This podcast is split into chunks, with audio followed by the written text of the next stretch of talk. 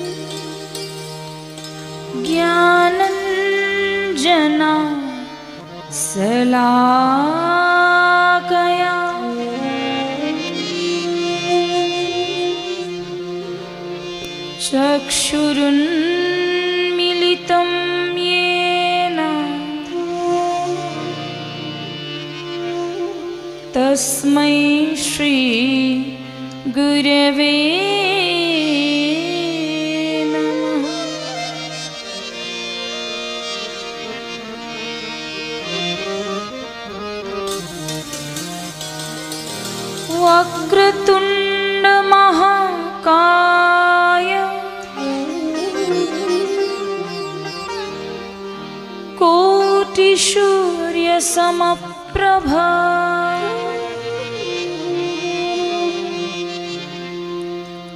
निर्विघ्नं कुरु मे देव। सर्वकार्यसु सर्वदा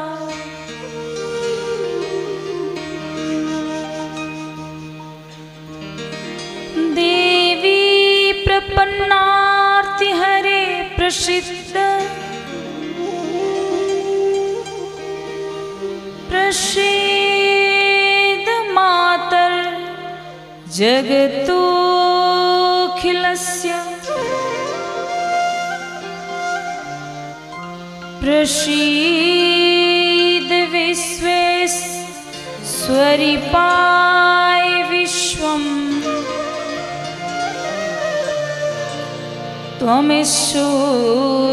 देवी चराचरस्य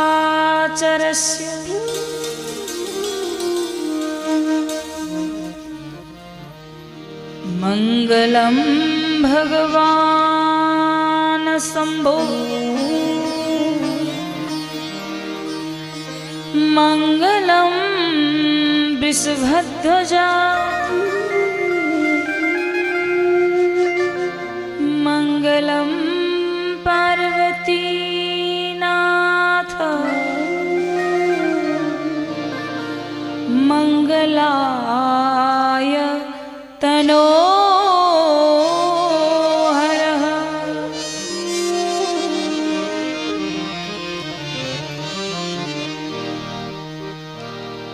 सब कुछ दिन आपने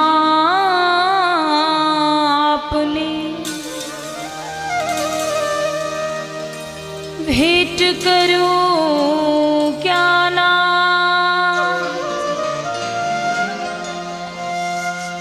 नमस्कार की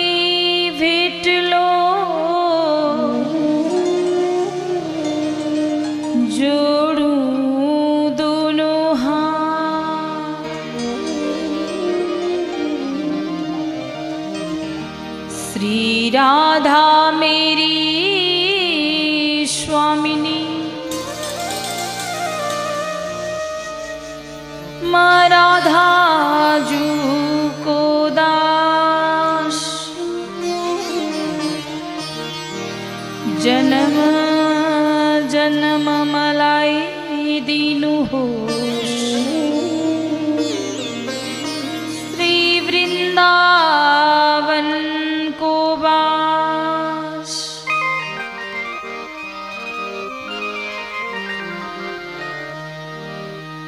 या देवी सर्वभूतेषु।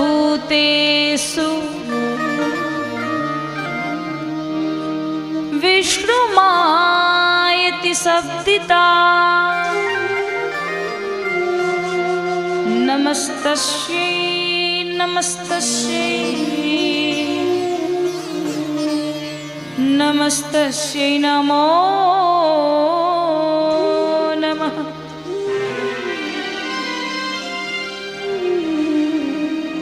नमस्तस्यै नमो नमः।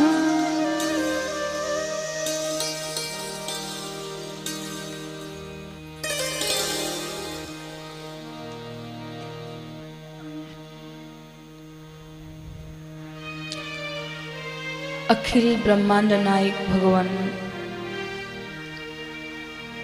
चराचर जगत का ब्रह्मांड नायक युगल सरकार, श्री उमा महेश्वर प्रभु को चरण बिंदमा कोटि कोटि नमन, दंडवत।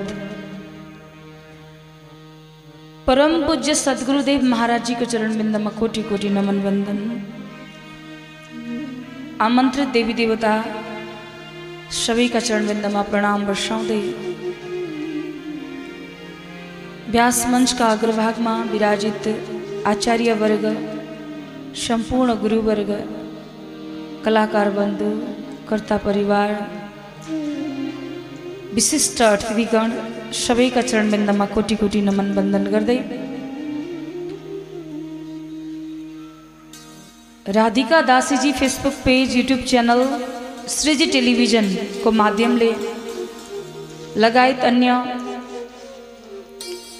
प्रत्यक्ष प्रसारण, सामाजिक सञ्जालका माध्यमले प्रत्यक्ष प्रसारण हेरेर बस्नुहुने सम्पूर्ण भगवान्का भक्तहरू र यस यस कथा पण्डालमा यस दिव्य धाममा यस पावन पवित्र नगरी बिजनबारी क्षेत्रमा। मेरो साम्ब सदाशिव प्रभुको कथाको गुणगान श्रवण गर्न आउनुभएका सम्पूर्ण भोलेनाथका भक्तहरू हजुरहरूका हृदयमा विराजित युगल सरकारलाई कोटि कोटि दण्डवत नमन गर्दै व्यास मञ्चको तर्फबाट म राधिका दासी अर्पण गर्न चाहन्छु। प्रेम सहितको न्यानो अभिवादन। राधे राधे। राधे राधे। श्री शिव महापुराणको जय हो। आजको आनन्दको जय हो। भक्त र भगवानको जय हो। भगवानको असीम अनुकम्पा भोलेनाथको कृपाले आज हामी तृतीय दिवसको दिवाकालीन सत्रमा भगवान् भोलेनाथका कथालाई आनन्द उठाउन आएका छौँ। यो अवसर हामी सबैलाई प्राप्त भएको छ। बिजनबारी क्षेत्रमा आज भक्तजनहरूको भिड पनि बढ्दैछ। दार्जिलिङको पावन पवित्र नगरी आज हामी यसलाई कैलाश पर्वत बनाएका छौँ। भोलेनाथको कथा स्वयं कैलाश आज यहाँ यस क्षेत्र बनेको छ जहाँ बगेर ज्ञान गङ्गा रूपी गङ्गा सागर यहीँ आइपुग्नु भएको छ।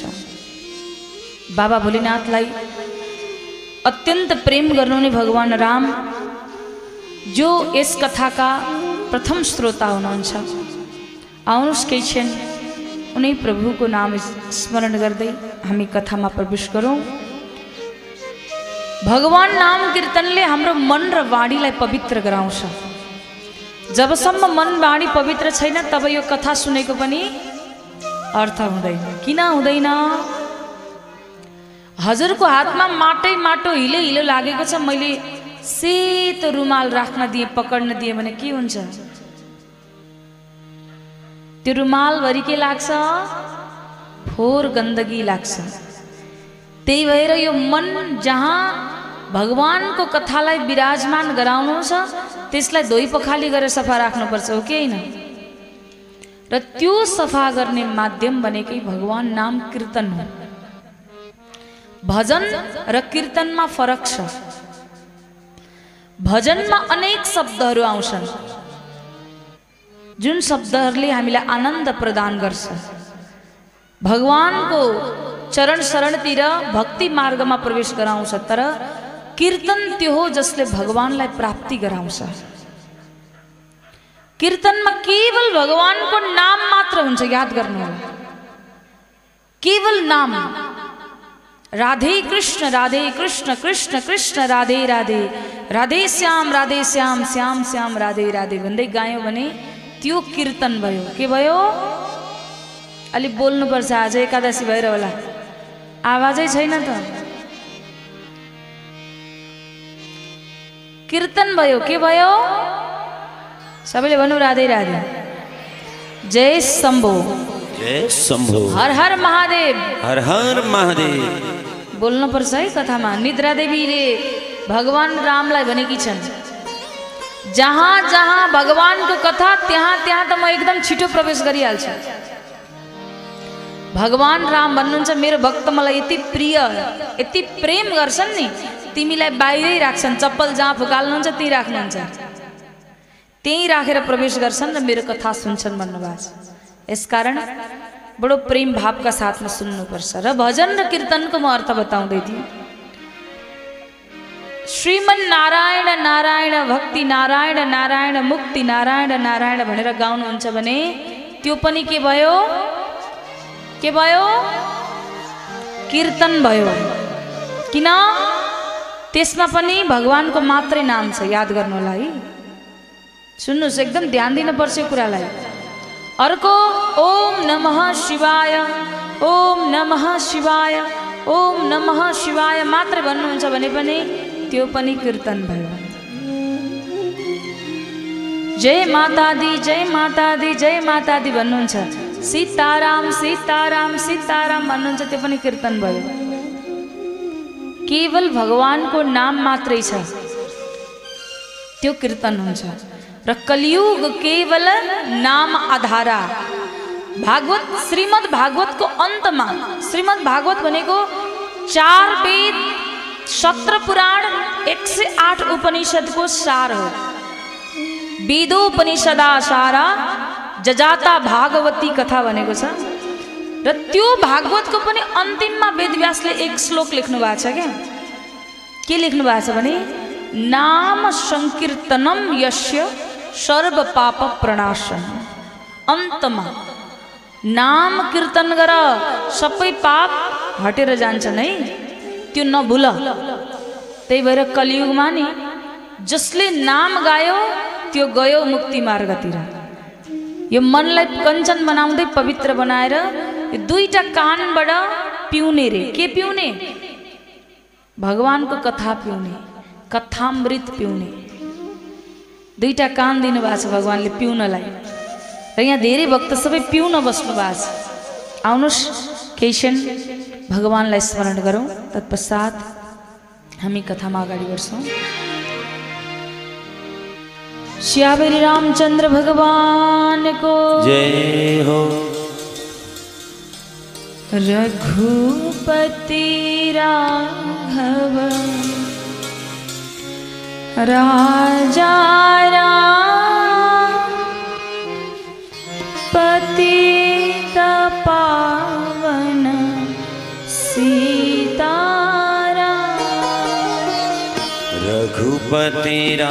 सबैले है राजा राम पतित पावन सीताराम रघुपति राघव राजा राम पतित पावन सीताराम रघुपति राजा राम पतित पावन सीताराम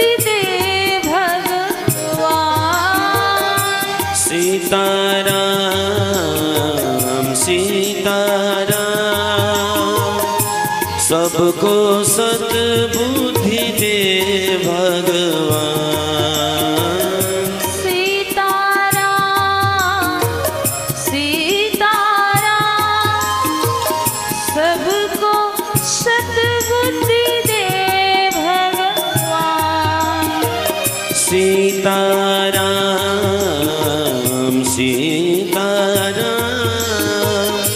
सबको सतबुद्धि दे भगवान।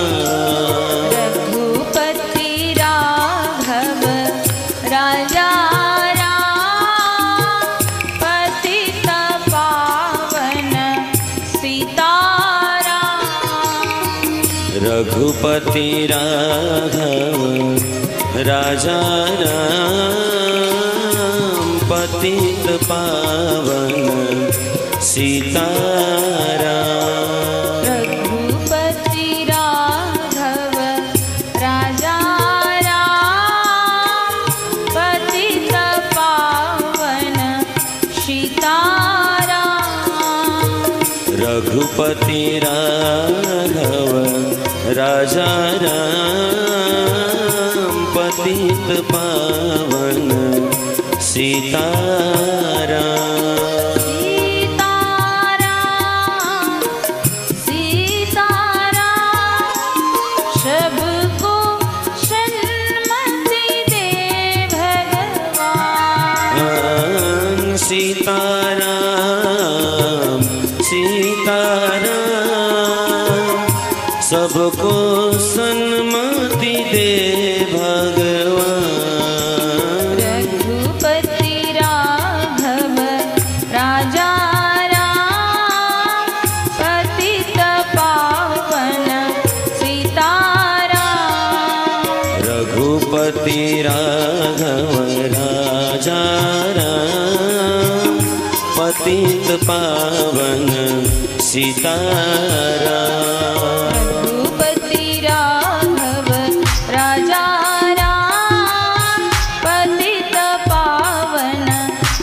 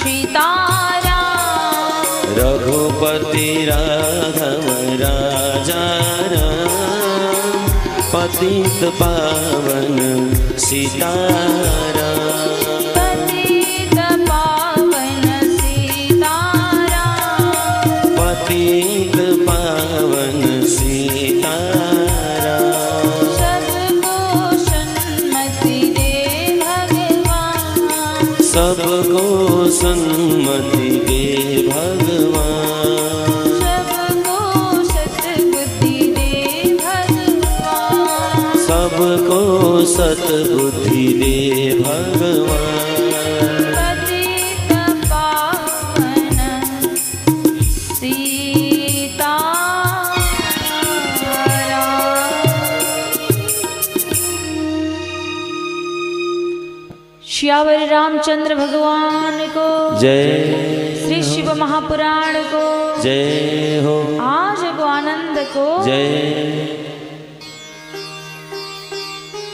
श्री शिव महापुराणको राम्रो श्रोता हुनुहुन्छ भगवान् राम। बडो प्यारोसँग सुन्दै हुनुहुन्छ। र आज हामीलाई यस्तो शुभ अवसर पनि मिलेको छ कि पुत्रदा एकादशीको दिनमा श्री शिव महापुराण कथा श्रवण गर्ने अवसर मिलेको छ। त्यो पनि सोमबारको दिन। हेर्नुहोस् त कस्तो अवसर जुरेको हामीलाई। आज भगवान् भोलेनाथको दिनमा त्यो पनि पुत्रदा एकादशी। आज कस कसको व्रत छ? छ व्रत? खै कतिजनाको व्रत हेरौँ त? जय होस्। भन्नुहोस् राधे राधे। राधे राधे। म आज एउटा अनुरोध गर्छु। पन्ध्र दिनमा एक दिन आउँछ एकादशीको व्रत हो कि होइन? हो नि? र एकादशीको व्रत सबै व्रत मध्ये उच्च व्रत हो। र अर्को कुरा पनि के छ भने जस्तै वर्षभरिमा केही विशेष दिनहरू आउँछन् जस्तै। कृष्ण जन्माष्टमी आउँछ। शिव महारात्रि आउँछ। राम नवमी आउँछ। देवीको नवरात्रि आउँछ। यी व्रतहरू पनि राख्नपर्छ यी विशेष व्रतहरू हुन्। त्यसमध्येमा एकादशीको व्रत चाहिँ अवश्य राख्नुहोस्। यो पेट भनेको इन्जिन हो। हो कि होइन? भित्र त्यसले काम गरेको छ कि छैन? काम गरेको छ गरेको छ। त्यसलाई रेस्ट दिनुपर्छ कि पर्दैन? भित्रबाट राखेको राखै राखेको राखै गरेपछि त्यसले रेस्ट पायो? बल्ल बल्ल पन्ध्र दिनमा एक दिन एकादशी आउँछ। एकादशीको बहाना नै सही।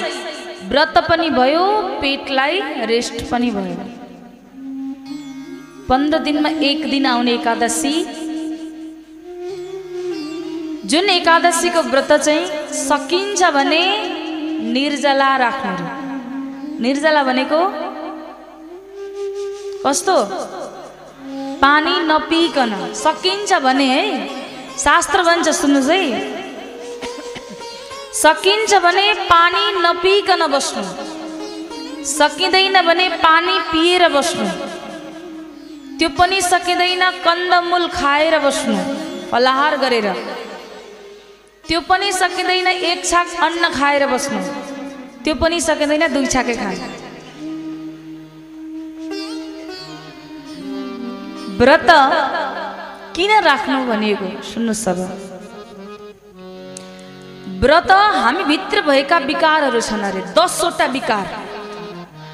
काम क्रोध लोभ मोह मत्सर घमण्ड रिस अहङ्कार द्वेष यी सबै भावनालाई त्याग गरेर एक दिन पन्ध्र दिनमा एक दिन चाहिँ एउटा भगवान्मा मन जोड्नुलाई एकादशी भनिन्छ। त्यो दिन चाहिँ भगवान्लाई प्रेम गर्नुहोस्। एक दिन छुट्याइदिनु र सकिन्छ निराहार बस्नु। भगवान्को निमित्त एक दिन। किन निराहार? म त्यो पनि भन्छु।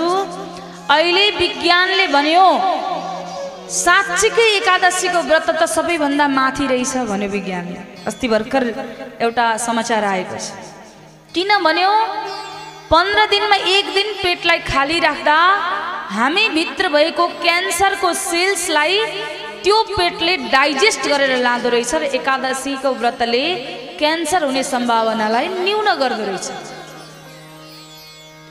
त्यही भएर पन्ध्र दिनमा एक दिन पेटलाई रेस्ट दिनु भनेको रहेछ।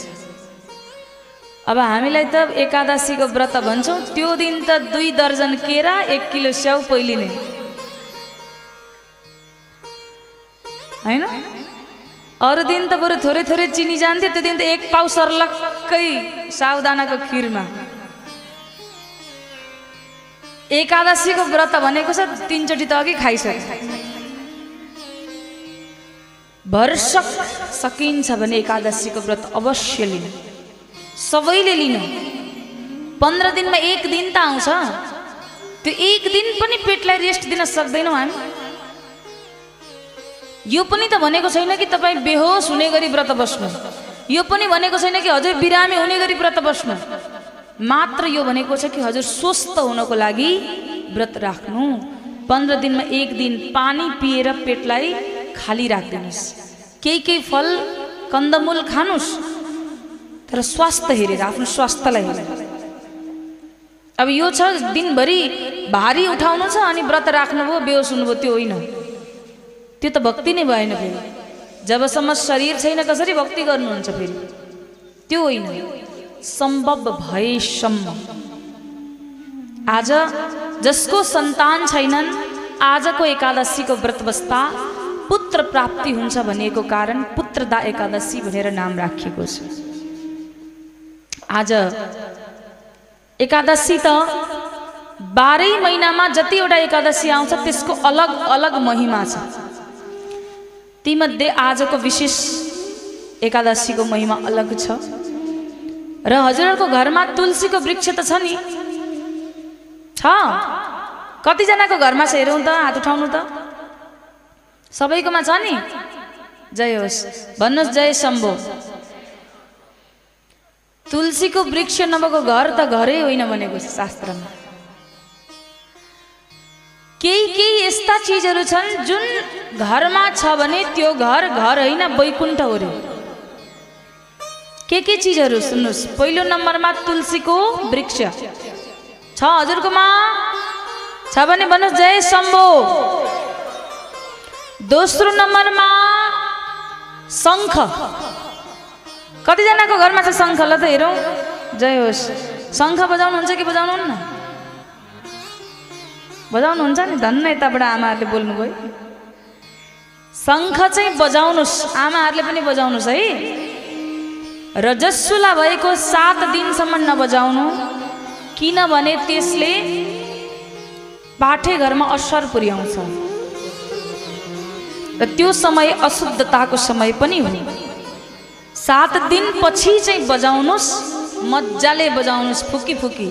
जसले ब्रेन हेमरेज हुने सम्भावनालाई कम गराउँछ प्यारालाइसिस हुने सम्भावनालाई कम गराउँछ बुवाहरूले पनि फुक्नुहोस्। शङ्ख फुक्नुपर्छ। अब दोस्रो शङ्ख भयो तेस्रो घन्टी। सबकोमा छ घन्टी। गरुड घन्टी भनेको छ। गरुड घन्टी भनेको घन्टीको माथि गरुडको चिन्ह हुन्छ। याद गर्नु भएको छ कि छैन हजुरहरूले? भगवान् जब भोजन गर्नुहुन्छ नि गरुडजीले घन्टी बजाउनुहुन्छ। त्यति बेला भगवान्लाई घन्टी बज्दा कानमा वेद मन्त्रको उच्चारण हुन्छ घन्टीको माध्यमले। त्यही भएर घन्टी बजाइन्छ। हजुर मन्दिरमा किन घन्टी बजाउनुहुन्छ भने घन्टीको माध्यमले भगवान्ले वेदको मन्त्र सुन्नुहुन्छ। र एउटा भुल चाहिँ नगर्नुहोस् मन्दिर प्रवेश गर्दा घन्टी बजाउने मन्दिरबाट बाहिर आउँदा कहिल्यै घन्टी बजाउने होइन। बुझ्नुभयो नि? भित्र जाँदाखेरि चाहिँ सूचना गर्नु म आएँ प्रभु भनेर घन्टी बजाइदिनु। अब निस्किने बेलामा चाहिँ अब होइन। अब त्यहाँबाट निस्किनुहोस्। तिनवटा भयो। एउटा तुलसी एउटा के? शङ्ख अर्को घन्टी। अब चौथो नम्बरमा छ शिवलिङ्ग। यो बुढी औँला बराबरको। योभन्दा ठुलो घरमा राख्न पाइँदैन। त्यो मन्दिरमा लगेर राख्ने। शिव महापुराणमा उल्लेख छ। यो बुढी औँला जत्रो शिवलिङ्ग है? छ नि हजुरको घरमा? जसको छैन आज बुझिहाल्नु शिव महापुराणबाट बुझिहाल्नु भयो हजुर। चारवटा भयो। र पाँच नम्बरमा भनिएको छ शालिग्राम भगवान्। हुनुहुन्छ? शालिग्राम भगवान् हुनुहुन्छ। यदि यो पाँचवटा भगवान् हजुर नित्य सेवा गर्नुहुन्छ भने त्यो घर घर होइन रे त्यो त वैकुण्ठ धाम अरे बोल्नुहोस् वैकुण्ठ धामको। जय हो। एकादशी महारानीको। जय हो। हरे। एकादशी तुलसी। तिलको दान एकादशी तुलसी। एकादशीमा के दान गर्नुपर्ने रहेछ? तुलसी तिल। एकादशी तुलसी तिलको दान हामीलाई पनि वैकुण्ठ लैजाऊ भगवान्। एकादशी तुलसी तिलको दान हामीलाई पनि वैकुण्ठ लैजाऊ भगवान। एकादशी तुलसी तिलको दान हामीलाई पनि वैकुण्ठ लैजाऊ भगवान। एकादशी तुलसी तिलको दान हामीलाई पनि वैकुण्ठ लैजाऊ भगवान। हरि हामीलाई पनि वैकुण्ठ लैजाऊ भगवान।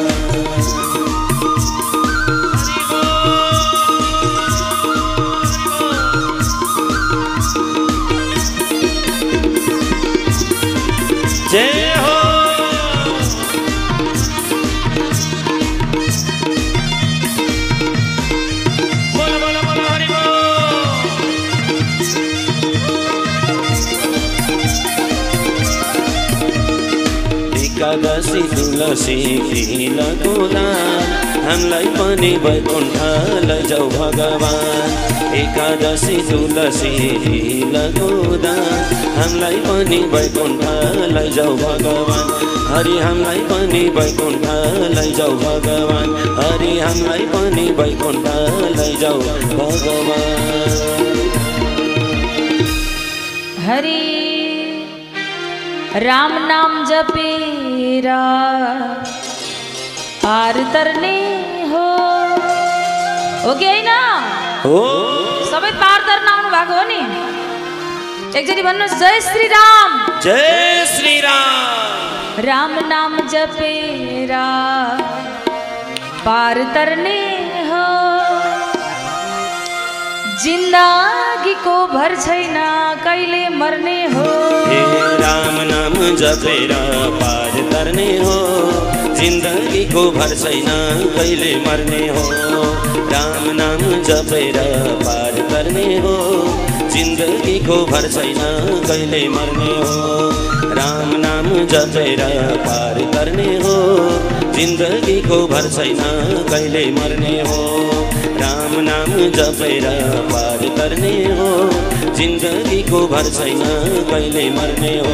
हरि जिन्दगीको भर छैन कहिले मर्ने हो। हरि जिन्दगीको भर छैन कहिले मर्ने हो। हरि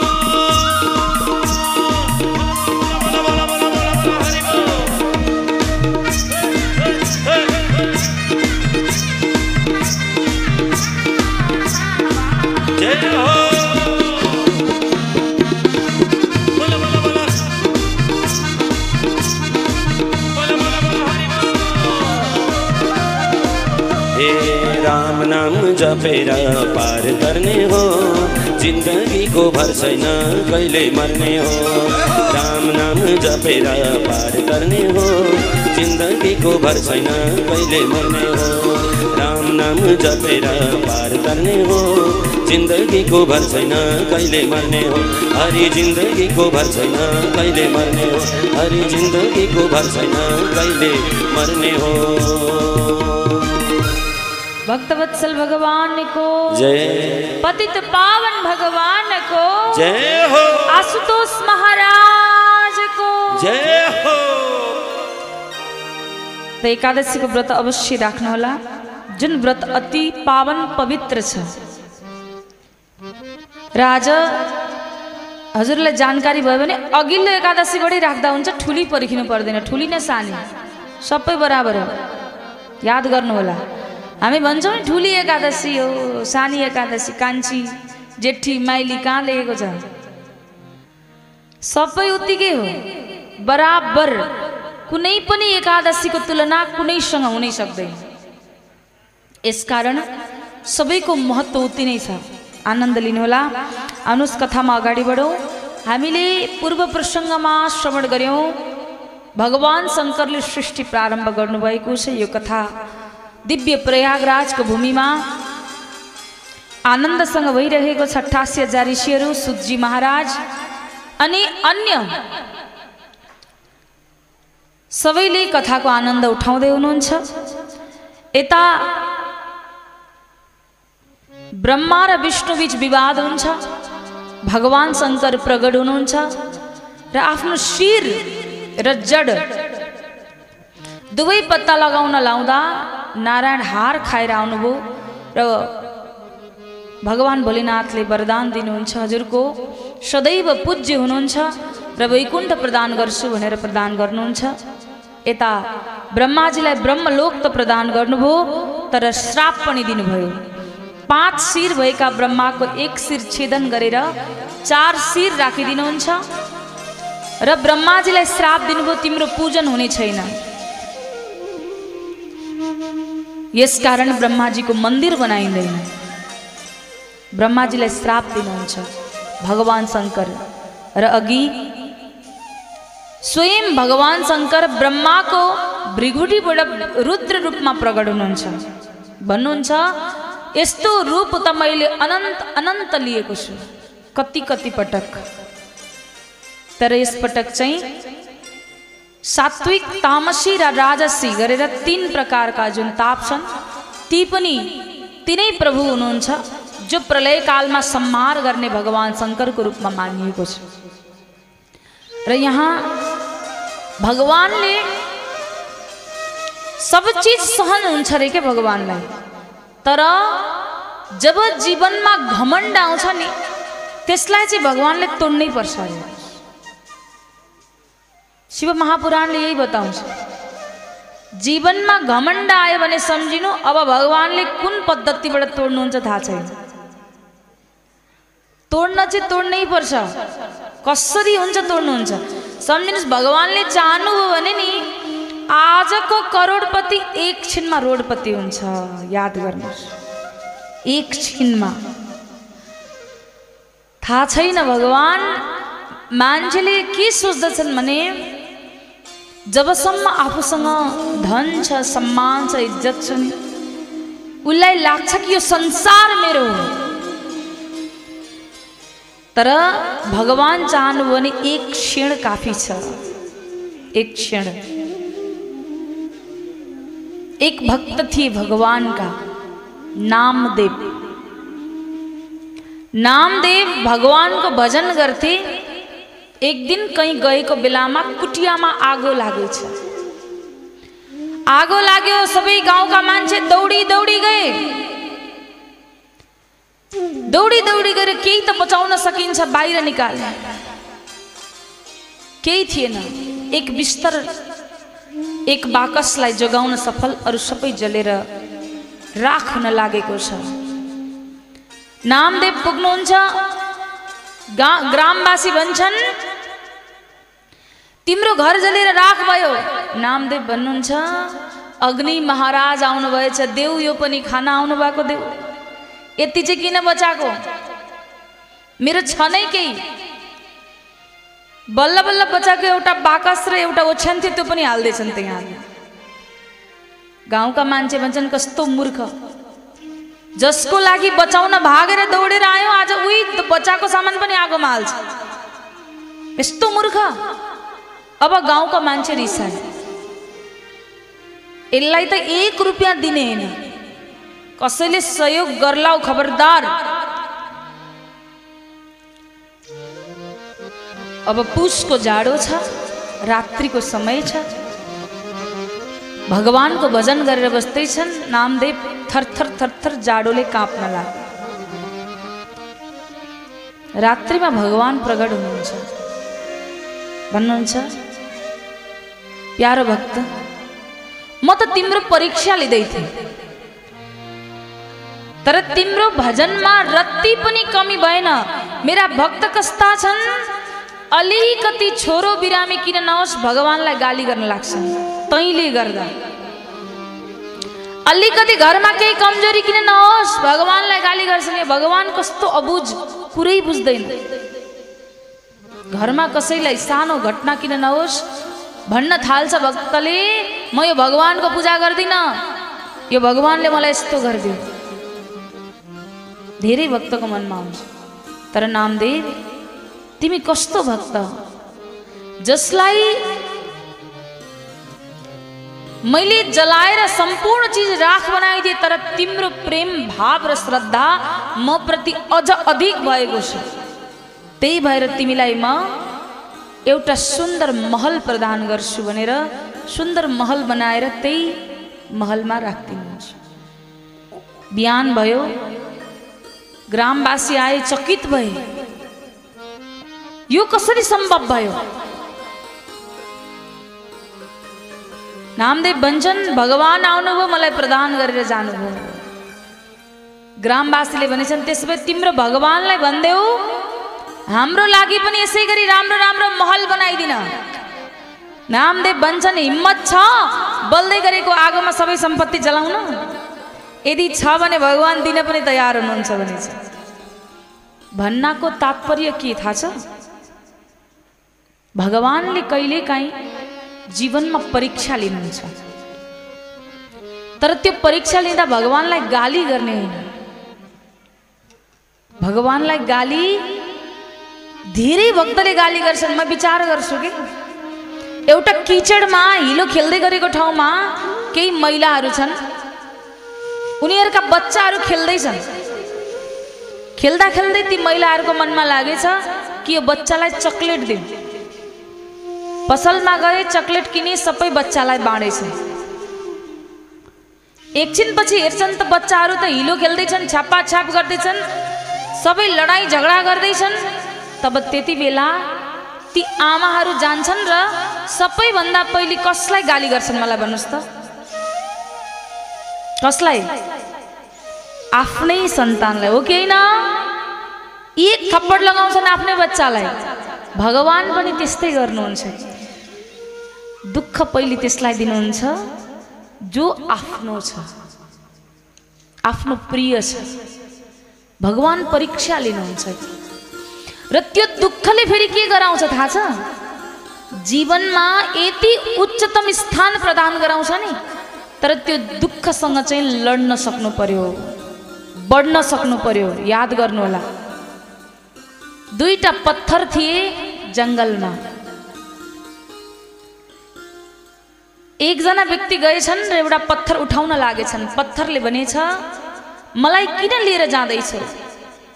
ती व्यक्ति भन्छन् तिमीलाई कुदेर म मूर्ति बनाउन चाहन्छु। पत्थर भन्छ तिमीले मलाई ठोकठाक पार्छौ मलाई दुख्छ मलाई छोडिदेऊ म यहीँ बस्छु। ती व्यक्तिले छोडिदिए। छेउमा अर्को पत्थर थियो त्यो पत्थर उठाए ल्याए सुन्दर मूर्ति बनाए लगे मन्दिरमा लगेर सजाए अनि त्यो मन्दिरमा अर्को पत्थरको आवश्यक परेछ नरिवल फुटाउन। गाउँका मान्छे गए अघि भर्खर डराएर बसेको पत्थरलाई ल्याएर बार बार तोडी तोडी नरिवल फुटाए। जीवनमा एकचोटि फुट्नको लागि तयार हुनुहोस् लड्नको लागि तयार हुनुहोस् जुझ्नको लागि। हजुरको जीवनमा जसरी मूर्ति जसरी सम्मान पूजन हुन्छ जीवन त्यसै गरी अगाडि बढ्छ। याद गर्नुहोस्। यदि पछाडि हट्नु भने बार बार ठोक्किनुपर्छ जसरी नरिवल फुटाइन्छ। बार बार पछाडि भाग्दै नभाग्नु जस्तो परिस्थिति आउँछ बस जुझ्ने र अगाडि बढ्ने। बढिरहने बढिरहने। र जीवनमा भगवान्सँग यदि केही माग्नु छ भने एउटै चिज माग्नु कि प्रभु मेरो जीवनमा अहङ्कार कहिल्यै नहोस् मलाई थाहा छ यसलाई हजुर तोड्नुहुन्छ मलाई थाहा छ।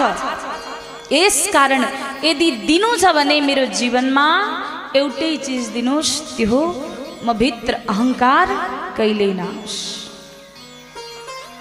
भगवान संग प्रार्थना कर। की नगर छो अहंकार। की नगर छो अभिमान। की नगर छो अहंकार। की नगर छो अभिमान। एक दिन त मर्नु छ। खरानी भई चल्नु छ। आगो उनी आगै बिछाउने। एक दिन त मर्नु छ। खरानी भई जल्नु छ।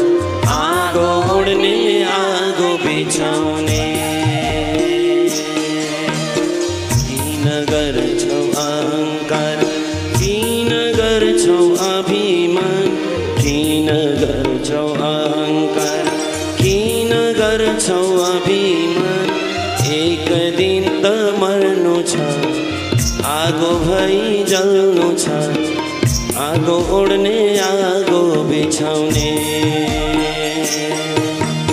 आगो ओढ्ने आगो बिछाउने।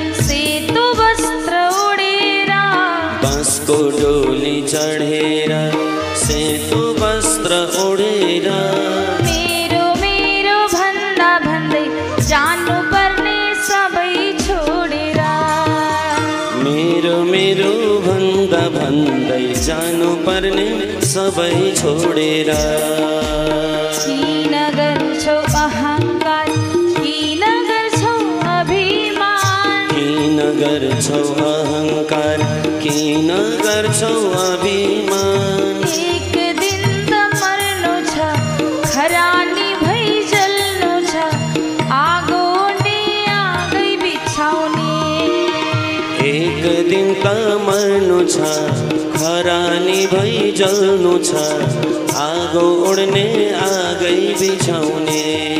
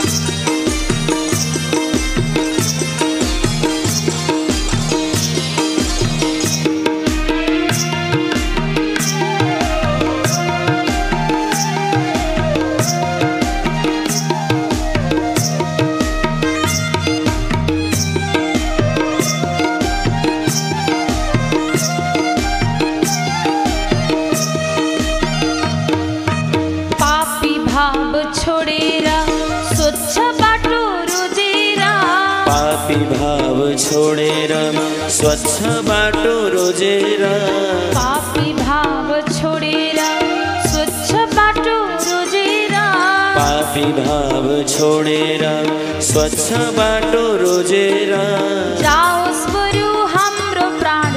राम राम कृष्ण भजेर जाओस् बरु हाम्रो प्राण। राम राम कृष्ण भजेर किन गर्छौ अहङ्कार किन गर्छौ अभिमान। किन गर्छौ अहङ्कार किन गर्छौ अभिमान।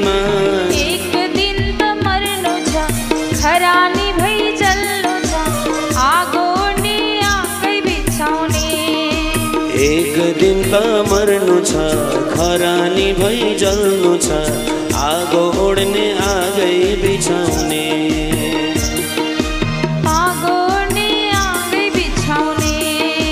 आगो ओड्ने आगै बिछाउने।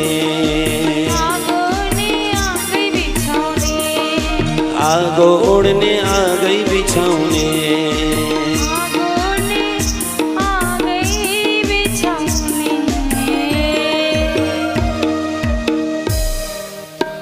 भक्तवत्सल भगवानको जय हो यो जीवन केही पनि छैन कि जति अहङ्कार गरे पनि मैले जीवनमा यति कमाएँ भन्नुहुन्छ नि अथवा यति चाहिँ मैले जोडेँ भन्नुहुन्छ होला